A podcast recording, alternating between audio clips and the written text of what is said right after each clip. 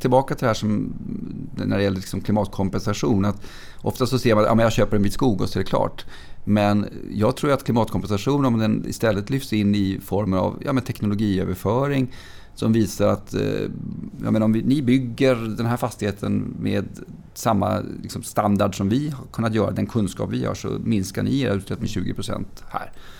Och då kan man få räkna det på något sätt. Va? Men det, man ska ju komma ihåg, det, det här med klimatkompensation är ju krångligt. Det är ju jättekrångligt. Det är mycket beräkningar och hur ska man räkna? Säkra att det inte blir dubbelräkning och sådana saker. Så det är klart att det är mycket som är krångligt i det där.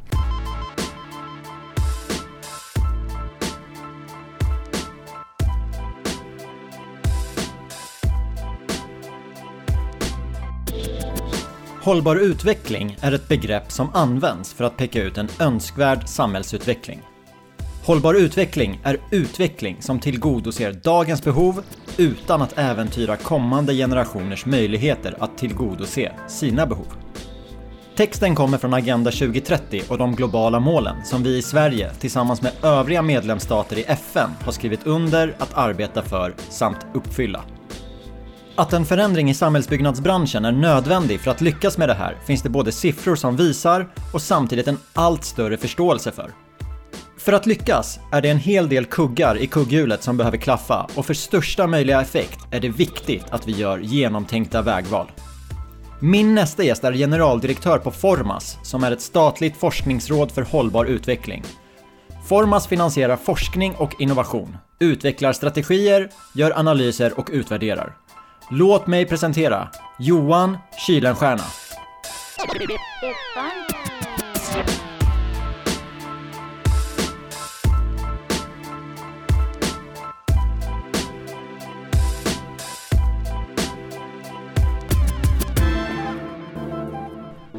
Äntligen! Varmt välkommen till hela kedjan Johan.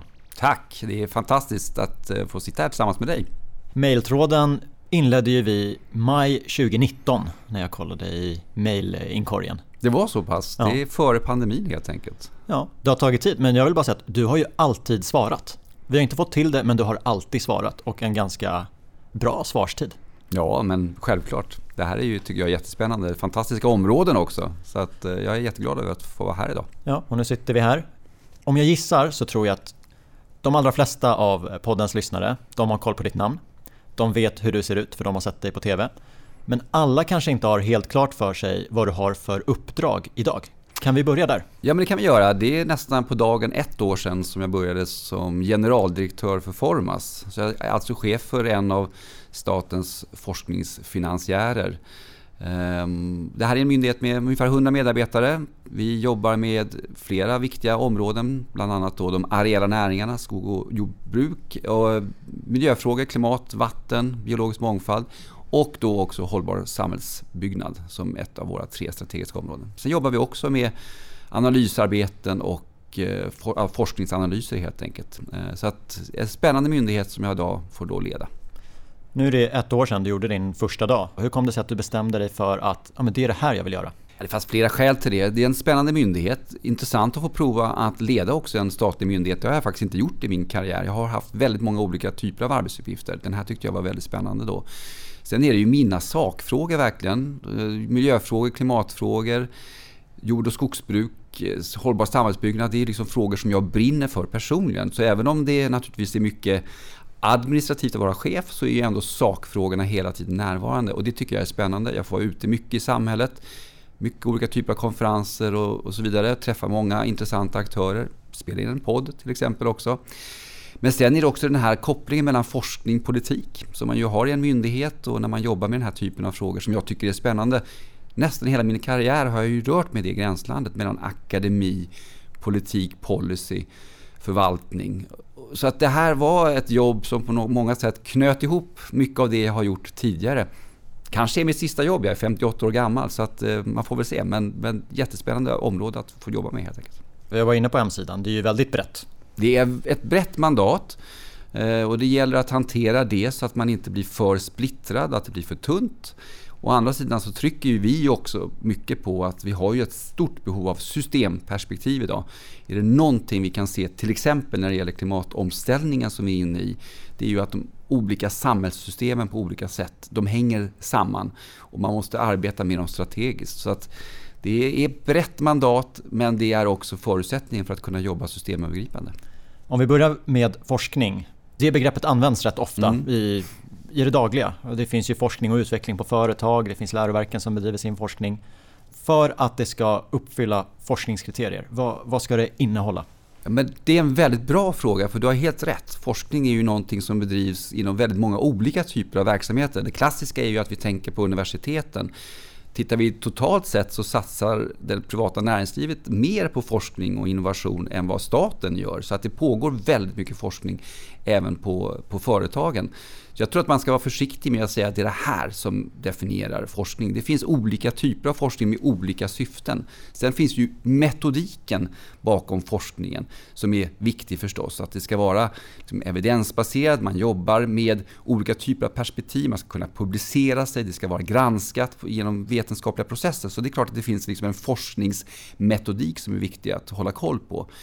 Men de här olika delarna av forskningssystemet, det vill säga allt från grundforskning som är nyfikenhetsdriven, där forskare själva definierar frågeställningar, till sådant som är mer eh, missionsdriven eller inriktat på olika typer av sakfrågor det är naturligtvis olika delar av forskningssystemet, även om det bygger på forskning. Och Det här tror jag är väldigt viktigt att vara medveten om, att alla de här olika delarna behövs i ett väl fungerande forskningssystem, i, ett, i en kunskapsnation som då ändå Sverige är och vill vara också i framkant.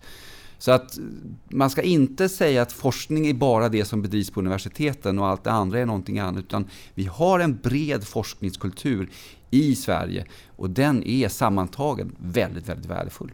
Du nämnde fyra olika forskningsområden där hållbar samhällsbyggnad var ett. Ja. Men även de fyra hör ju ihop, de är ju kopplade till varandra. Hur samsynkas det så att eh, vi ändå har en gemensam riktning framåt? Ja, men det är, det är en väldigt bra fråga därför att det här är ju ofta den stora utmaningen att vi hamnar i olika typer av stuprör helt enkelt. Vi, vi har de här stora komplexa systemövergripande samhällsutmaningarna och så ska man försöka skära upp den kakan i hanterbara bitar och då blir det ibland att ja, det blir utlysningar eller det blir forskning som blir för snävt. Det som är fördelen med de nationella forskningsprogrammen är att det finns ingenting som hindrar att vi kan jobba tvärs dem. Så vi har exempel på utlysningar där vi knyter ihop olika, olika nationella forskningsprogram. Det kommer alltså resurser från eh, flera av dem och när vårt forskarråd då beslutar om en utlysning, för det är forskarrådet som beslutar om utlysningen, så kan vi adressera frågor som till exempel kopplar ihop livsmedelsutmaningarna med klimatutmaningarna eller vattenresursfrågor. Så att det är på det sättet vi kan jobba tvärs också. Så att det begränsar oss inte till stuprör utan vi kan jobba, vi har mandat att jobba tvärs över de här nationella forskningsprogrammen. Om vi går över till samhällsbyggnadssektorn och klimatomställningen så ställer vi en öppen fråga och ser vart det tar oss.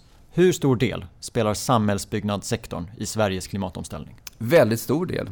Eh, tittar man på utsläppsdelen sidan, man kan räkna på lite olika sätt, men om man säger lite förenklat så står samhällsbyggnadssektorn för kanske 20% av våra totala utsläpp. Och det är ganska komplexa kedjor i det här, därför att det handlar ju dels om värdekedjorna, det vill säga varifrån kommer till exempel byggnadsmaterial eh, Eh, som, där man har utsläpp både i Sverige och internationellt. Det handlar om byggfasen, men det handlar ju också om när man väl har en byggnad på plats. Hur effektiv är den? Hur stor klimatpåverkan har den när den väl är på plats?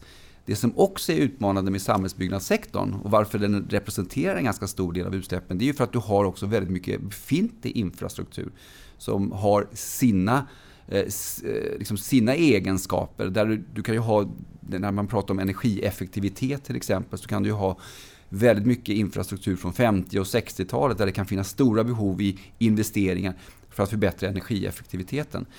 Eh, så att samhällsbyggnadssektorn är väldigt, väldigt viktig. Den är kopplad till människor också. Och sen när vi pratar klimatanpassning så blir ju samhällsbyggnadssektorn också by default väldigt viktig eftersom det är ju på den sektorn som väldigt mycket av klimatförändringarna har en inverkan i våra städer. Och vi ser ju det aktuellt här i sommar, inte just minst nu också, där vi återigen ser stora problem med översvämningar till exempel i, i delar av landet. Så liksom relationen mellan samhällsbyggnad och klimatfrågan, den är stor och den är komplex och den går från utsläpp till anpassning utan tvekan. Jag tänkte på det i morse, för om det är så att 100-årsregnet kanske kommer var femte år eller var tionde år. Då blir det en stor utmaning. Ja, men det, det ska uppdateras VA-system, kanske byggas lite vallar här och där. Det, det är mycket som, som ska göras och ja. samtidigt som man ska få ner sitt klimatavtryck. Så är det. Och ibland kan det finnas synergier där, men det, det, är helt korrekt. Och det handlar ju ofta, som det är när det gäller samhällsbyggnad, så handlar det ju ofta om väldigt, väldigt stora investeringar när det gäller klimatanpassning. Det är mycket infrastruktur. Alltså, som du säger, det kan ju handla om att man behöver bygga nya vallar mot havet, eller mot vattendrag, eller mot sjöar. Och då kommer ju ofta frågan in också, vem ska betala för det här? Det här är ju en stor fråga idag på vilken nivå ska ansvaret vila? Är det kommuner, regioner, är det staten? Så det här är många frågeställningar som vi står inför i framtiden, hur de här modellerna ska se ut. Typiska forskningsfrågor helt enkelt också, som då inte bara handlar om att förstå vilka effekter klimatförändringar kan få på samhällsbyggnad, men även hur förvaltning, styrning och till exempel ansvarsfördelning ska se ut. Det är, det är ju också forskningsfrågor. Det är ju så himla många områden. Alla måste göra någonting. Och det gäller ju att vi behåller fokus och disciplin och verkligen håller i. För det blir ju väldigt lätt att när det är många, eller när alla ska göra någonting Ja, vem, vem ska börja? Vem ska göra något först? Ja, det där är, och det är intressant. Alltså, vi, vi har ju den här frågan om att vara ledande. Det är ju ofta någonting som Sverige lyfter fram, att vi försöker vara ledande i, liksom, i klimatomställningen.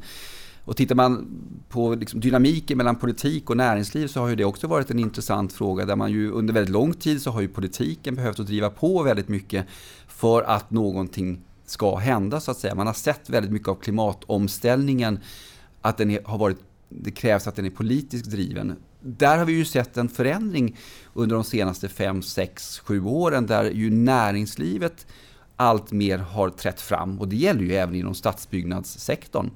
Ehm, alltså företag som sätter tydliga mål, vetenskapligt baserade mål om att man ska minska utsläppen och kanske till och med nå netto nollutsläpp, vilket påverkar då plötsligt hela deras värdekedja. Om ett stort byggföretag ska uppnå netto noll, då måste man ju också se till att allt det materialet som kommer in i deras verksamhet också har nollutsläpp om man ska tänka hela kedjan till exempel. Och vi har ju fossilfritt Sverige som är eh, dess, alla dessa sektorer, där även samhällsbyggnadssektorn finns med på väldigt många olika sätt, men även då alla de som levererar in i samhällsbyggnadssektorn.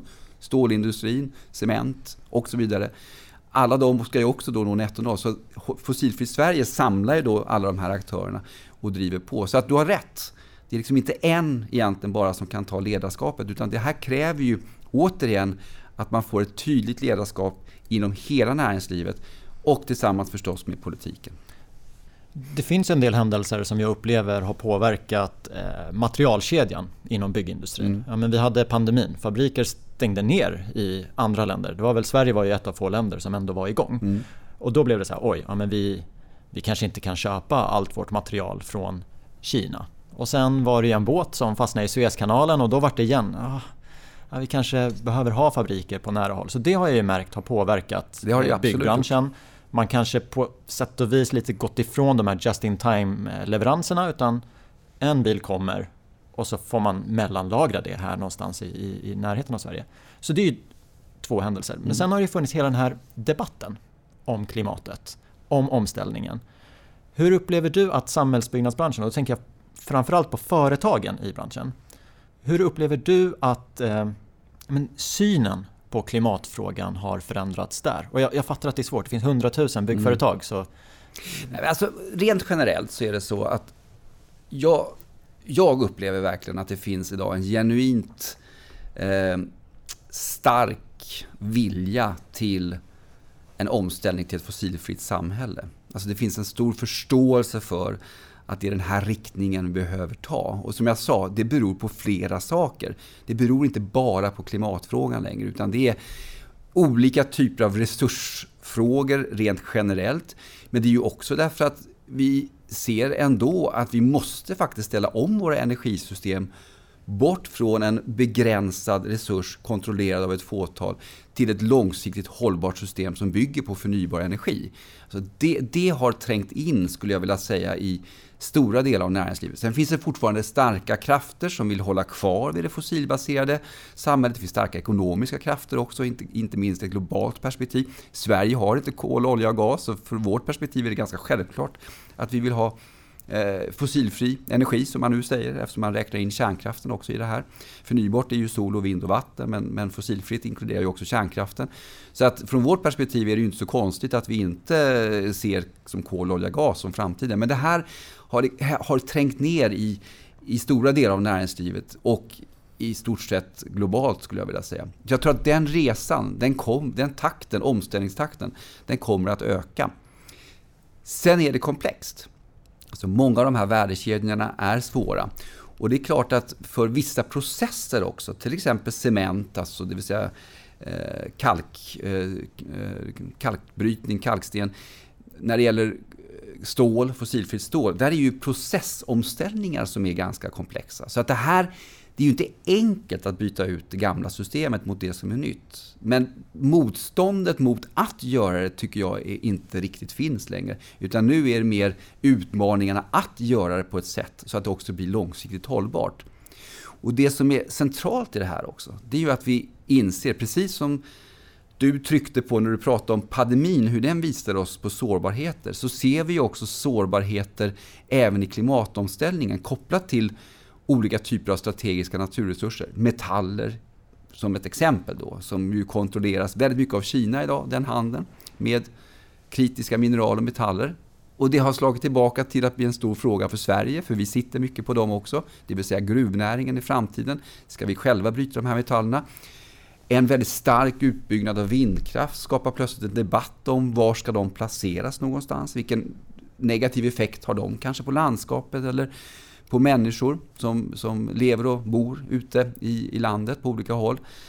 Eh, så att det är liksom nya sådana här spänningar som kommer som då också näringslivet kommer att behöva hantera. Biologisk mångfald är en ny fråga som, eller ny och ny är den ju inte, men den har liksom plötsligt blivit väldigt, väldigt aktuell. Så att jag menar att det finns en mycket stark förändringskraft hos näringslivet idag. Inte överallt och det finns fortfarande mycket kvar att göra, men i grunden väldigt positivt. Eh, biologisk mångfald känner jag i branschen så är det en ny diskussion. För fram tills för bara något år sedan så var det bygg i trä, då kan du bygga ett klimatpositivt eh, hus. Vi kommer komma tillbaka till vad klimatpositivt är, men man, man tänkte inte på att men en annan del i hållbarheten, visst CO2-utsläpp i all ära, men en annan del är ju biologisk mångfald. Ja, men det är det här, och alltså här är man ju tillbaka till att vi måste förstå att den planet vi bor på, det är också ett system. Så att de här olika systemen, om det är atmosfären och klimatet, eller om det är vatten och vattenresurser, om det är haven, det är biosfären, biologisk mångfald, de hänger ihop. Så om man börjar dra mycket i en del av ett system så kommer det att påverka andra delar av systemen. Och det är klart att man menar, Johan Rockström han brukar ofta säga det att vi har ju varit en liten mänsklighet på en stor planet och nu är vi en stor mänsklighet på en liten planet. Och jag tycker det är en ganska bra beskrivning, kortfattat. Idag har vi liksom inte lyxen att se på planeten och se på de resurser som om de vore oändliga. Man sa, om man gick tillbaka till 60-talet så pratade man ganska ofta om the solution of pollution is delusion. Alltså atmosfären kunde vi bara släppa ut föroreningar i, haven var oändliga, det var bara att släppa ut föroreningar. Det fungerar inte med 8, 9, snart 10 miljarder människor och med den offent, alltså den, den stora ekonomi vi har idag. Och det är därför om vi kommer tillbaka till forskningen som vi ser allt mer också fokus även i våra utlysningar kring det här med cirkularitet, nya affärsmodeller. Vi kan alltså inte bara ställa om till ett fossilfritt samhälle utan vi måste ställa om till ett fossilfritt och väldigt resurseffektivt samhälle. Och det kanske är den viktigaste förändringen som vi ändå börjar tränga in. För där har vi ju alla de här andra utmaningarna annars som kommer att uppstå om vi inte lyckas med det. Men om vi tar husbyggnation i Sverige, lagstiftaren. Där är det bestämt att men det här huset det får ha den här energiförbrukningen per kvadrat. Och sen så finns det regler kring att alla ska kunna ta sig runt i den här bostaden om vi tar en bostad. Mm. Även om du sitter i en rullstol. Det är det som finns. Resten, om det här är ett certifierat hus, om man gör någon klimatkompensation, det bestäms ju av branschaktörer.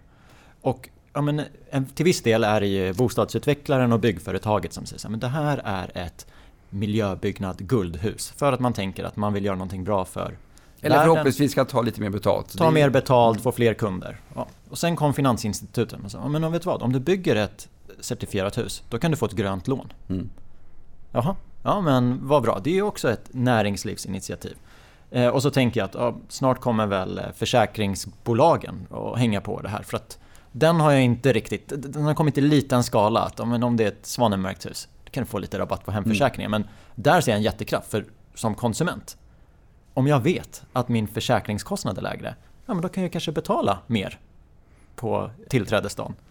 Men det här är ju som sagt, det är initiativ från, från branschföretag. Mm. Om vi behöver få till den här förändringen, för vi behöver göra mer. Liksom vad, vad, vad, ser, vad behöver göras från näringslivet och lagstiftaren? Mm. Vad som behöver göras är ju att man har en, en synergi mellan de två. Jag tror att det är det, för att ofta blir det tyvärr så att man diskuterar var och en för sig. Det vill säga att det, ja, men det ska vara marknaden som löser det, eller det måste vara politiken eller lagstiftningen. Och det är som jag sa, om jag, om jag tittar på min egen karriär, 30 år med klimatfrågan, om jag går tillbaka då 10-12 år, om man tittade på klimatfrågan, så var det väldigt mycket top-down. Det var liksom lagstiftning, det var skatter, det var liksom regler, det var det som skulle driva omställningen. Nu har vi sett under en period att det har varit väldigt mycket egentligen bottom-up, det vill säga det har varit näringslivet som plötsligt har börjat se en potential, en marknad i det här. Men också då möter hinder till viss del ibland i lagstiftningen. I Sverige är det mest klassiska man ofta talar om det är det här med långsamma tillståndsprocesser till exempel. Därför att det hindrar då en snabb utbyggnad av kanske laddinfrastruktur eller nya energisystem eller vad det nu kan vara. Eller företag som vill investera i fossilfri produktion. Och så fastnar man i långa tillståndsprocesser. Och det här tycker jag liksom visar på att det finns inget enkelt svar. Det finns inte att säga att det är lagstiftning eller det är marknad. Utan det är den här alltså, eh, kombinationen, det är symbiosen mellan marknad och lagstiftning och regelverk och ekonomiska styrmedel. Det som jag tror är centralt i det här, det, var att, det är att idag så finns det en väldigt stark eh, grogrund för marknadsbaserade lösningar om man har rätt förutsättningar från lagstiftaren.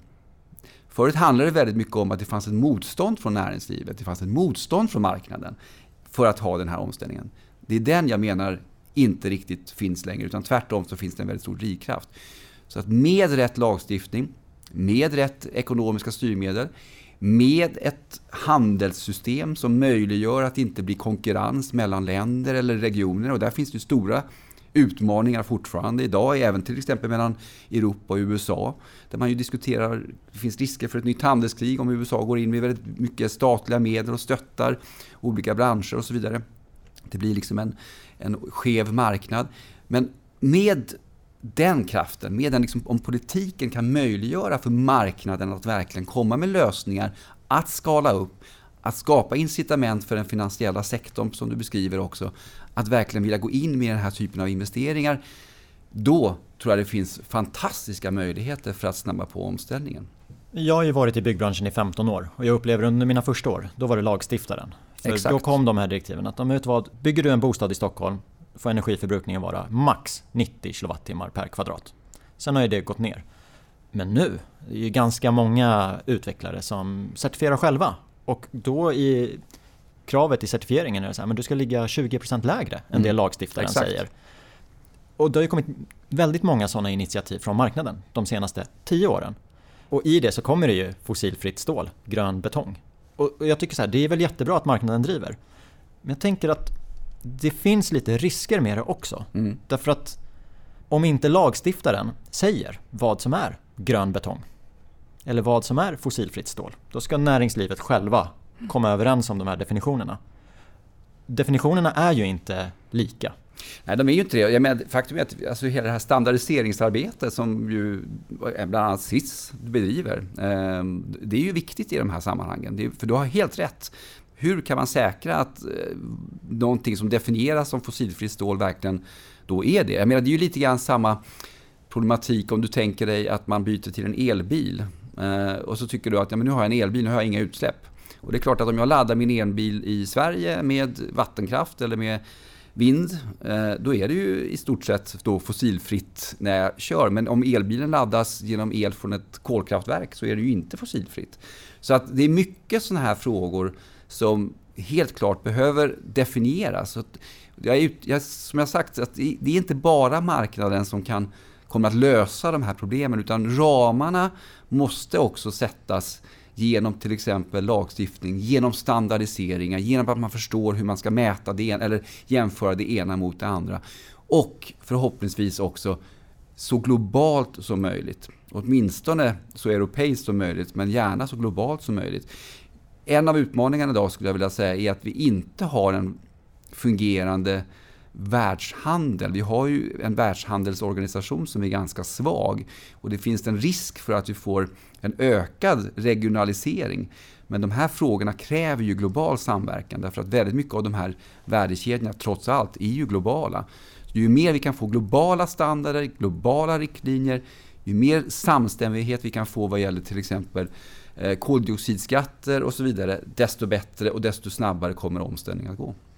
Svår fråga, men hur nära är det? För att om man tar tre begrepp som används flitigt i fastighetsbranschen. Då har du klimatkompenserad, klimatneutral och klimatpositiv. Mm.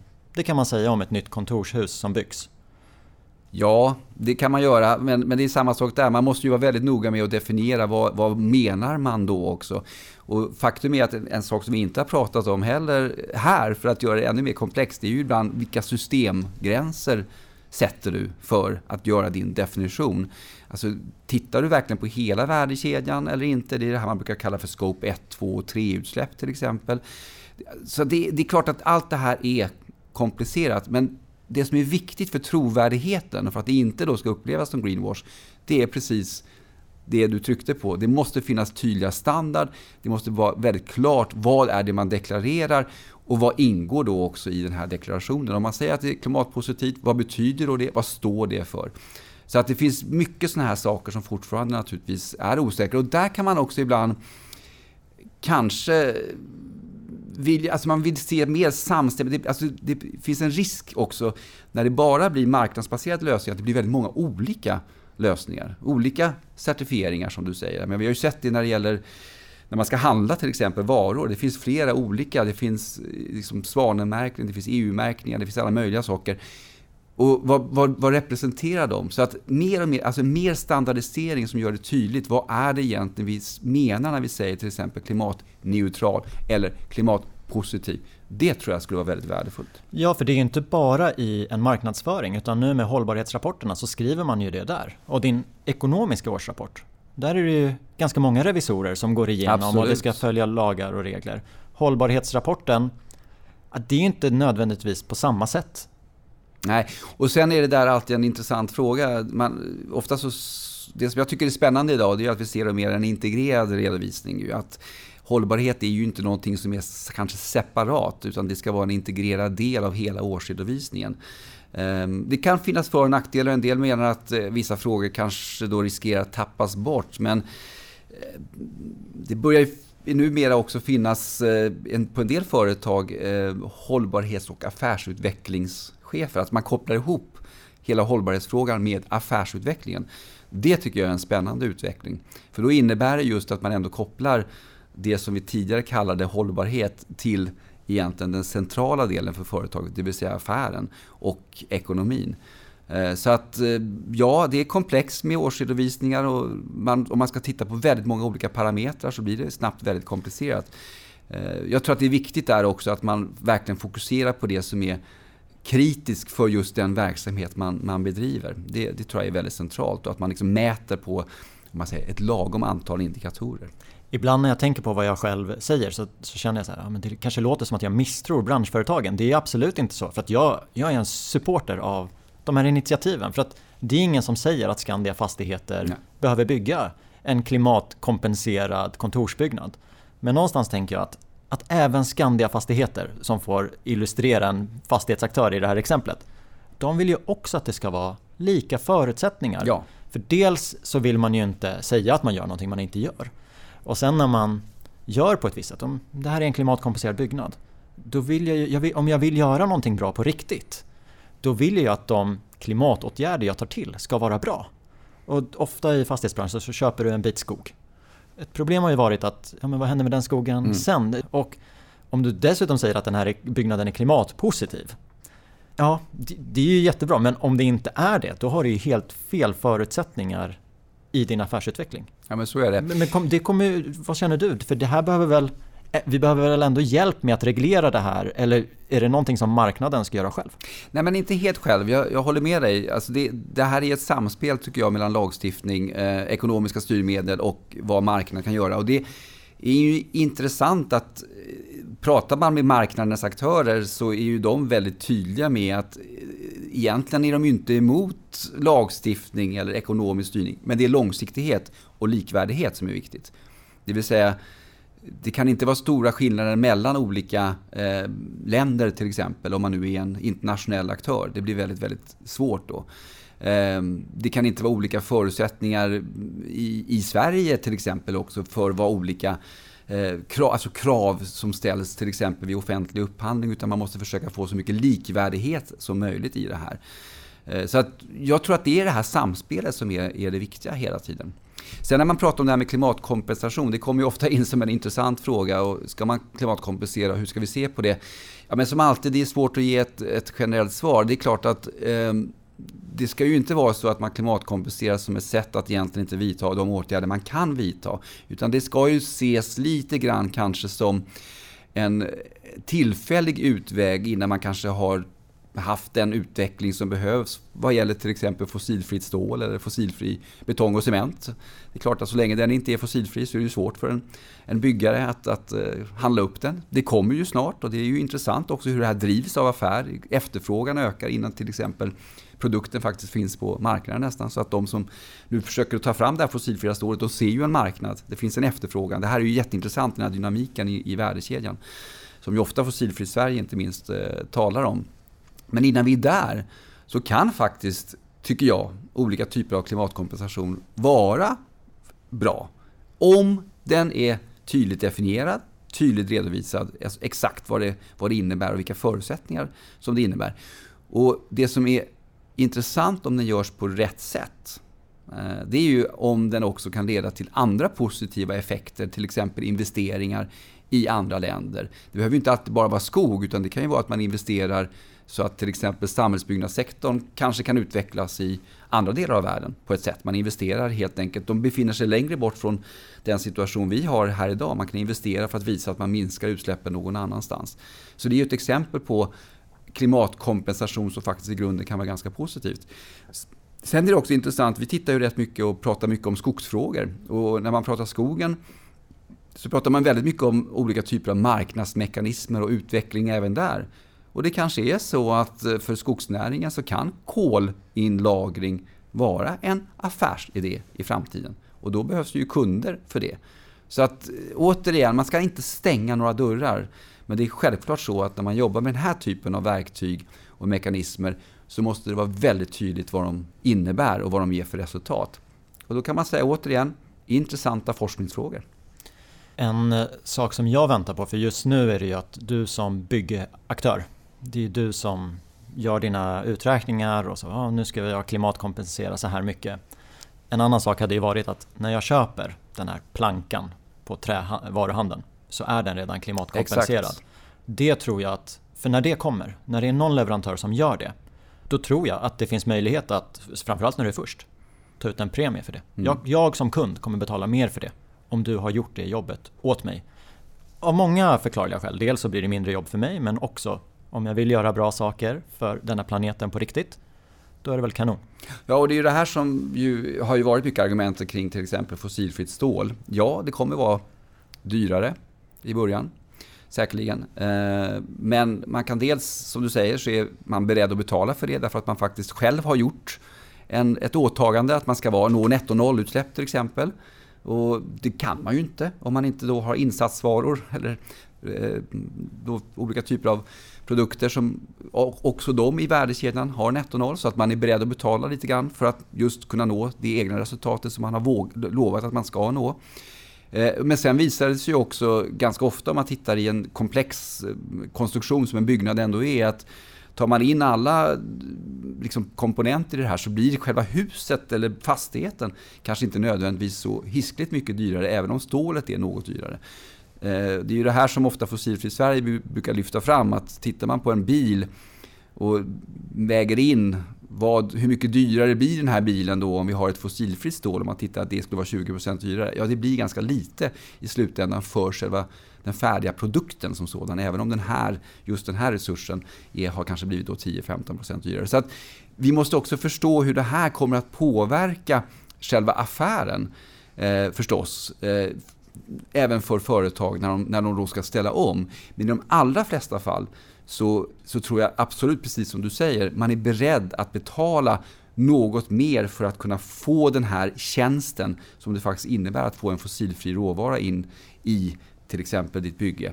Och sen kommer ju naturligtvis när liksom efterfrågan ökar så kommer det bli precis som med alla andra sådana här system. Priserna kommer att sjunka, konkurrensen kommer att öka.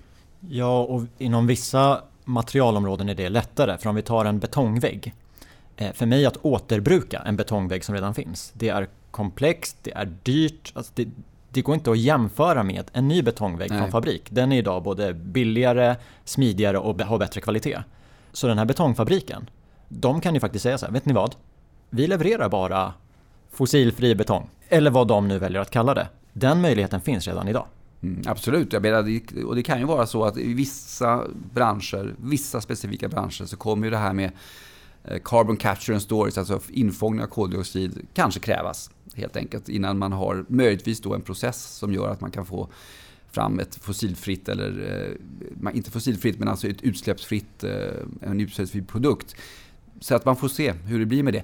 Men däremot det du säger, det är ju lite utmanande att ja, det är den nya betongväggen som är mycket bättre då och den här gamla den är svår och dyr att återvinna. Men det här är ju då problemet eftersom vi behöver också en mer resurseffektiv ekonomi. Därför att det är fortfarande så att råvarorna är begränsade och eh, så länge jungfruliga råvaror tenderar att vara billigare än att återvinna så har vi ju ett problem med vår materialanvändning.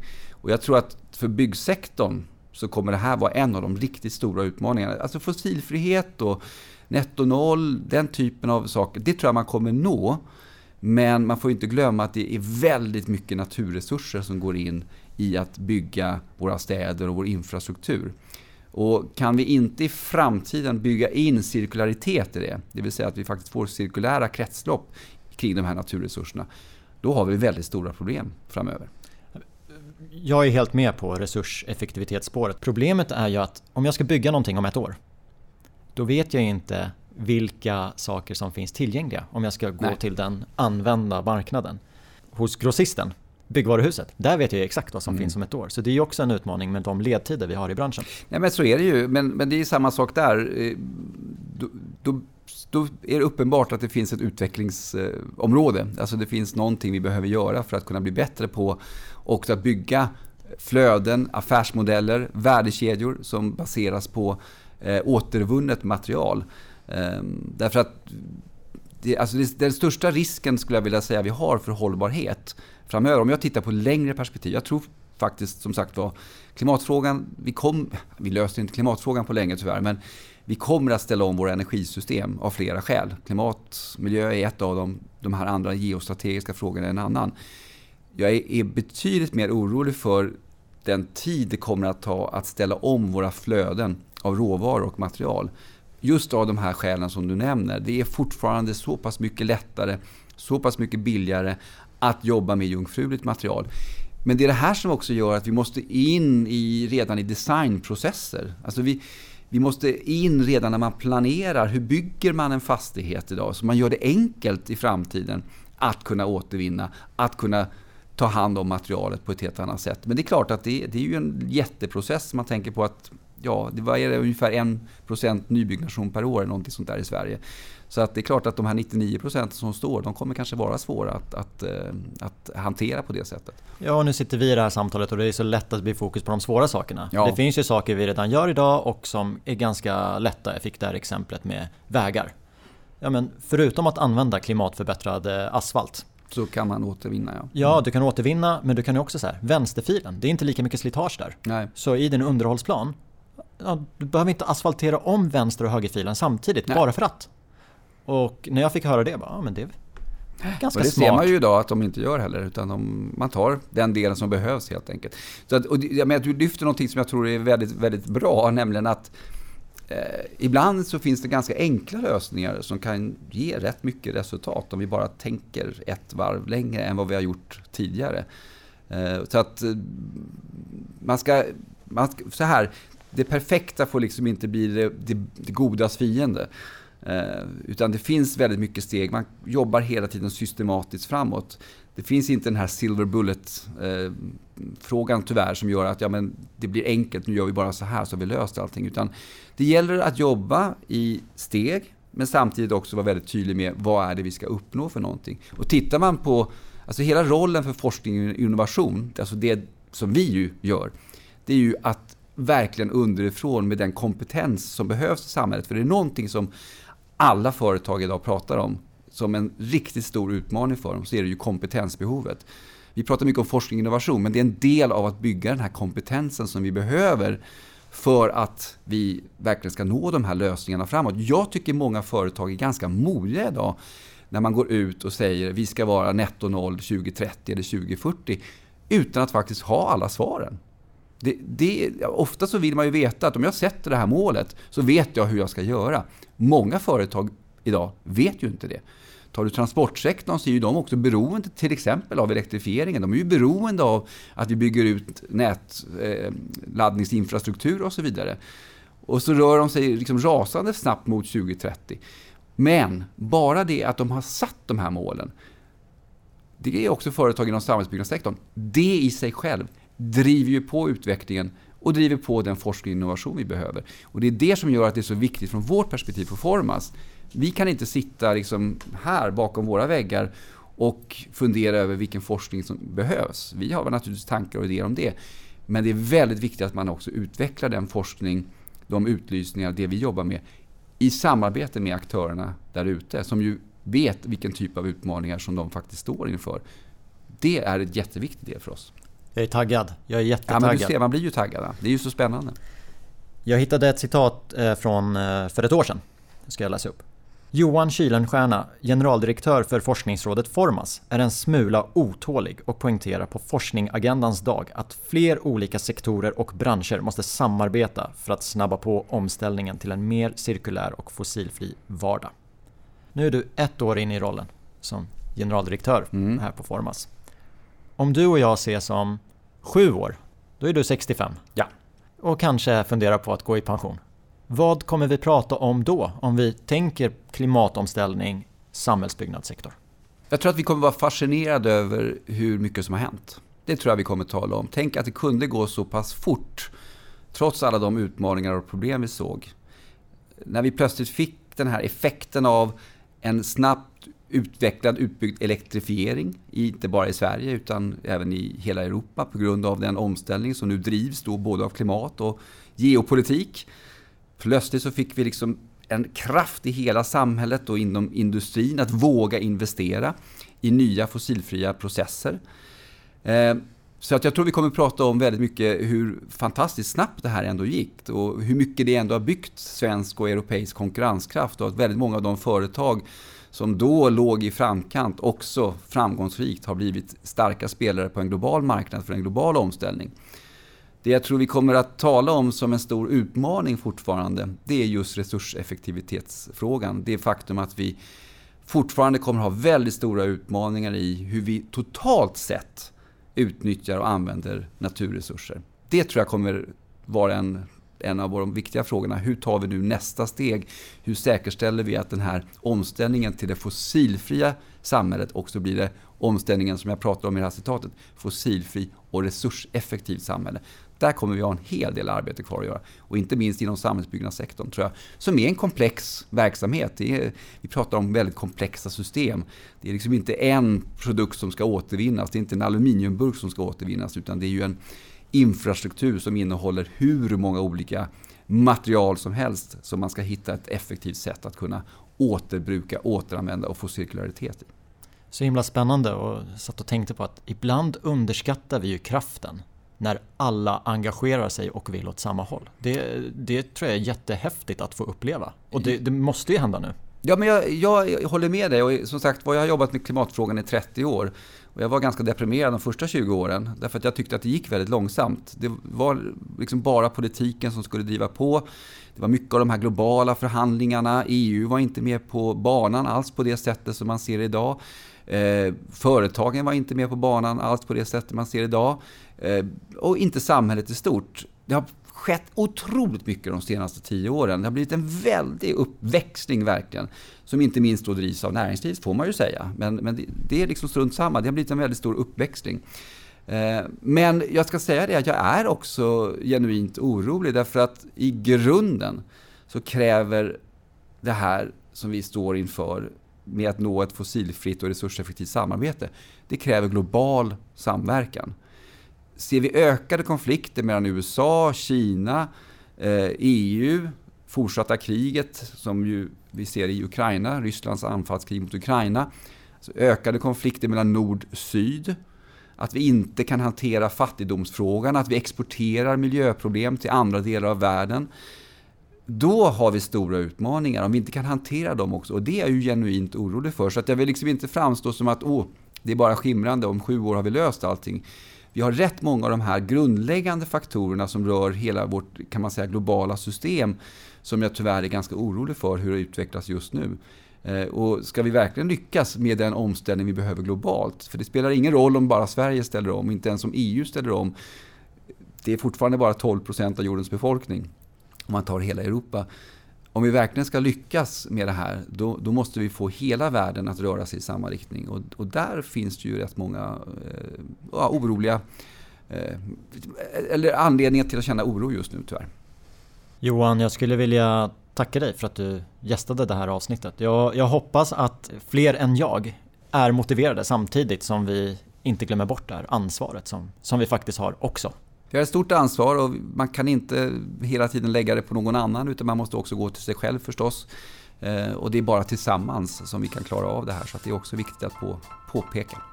Tack. Tack.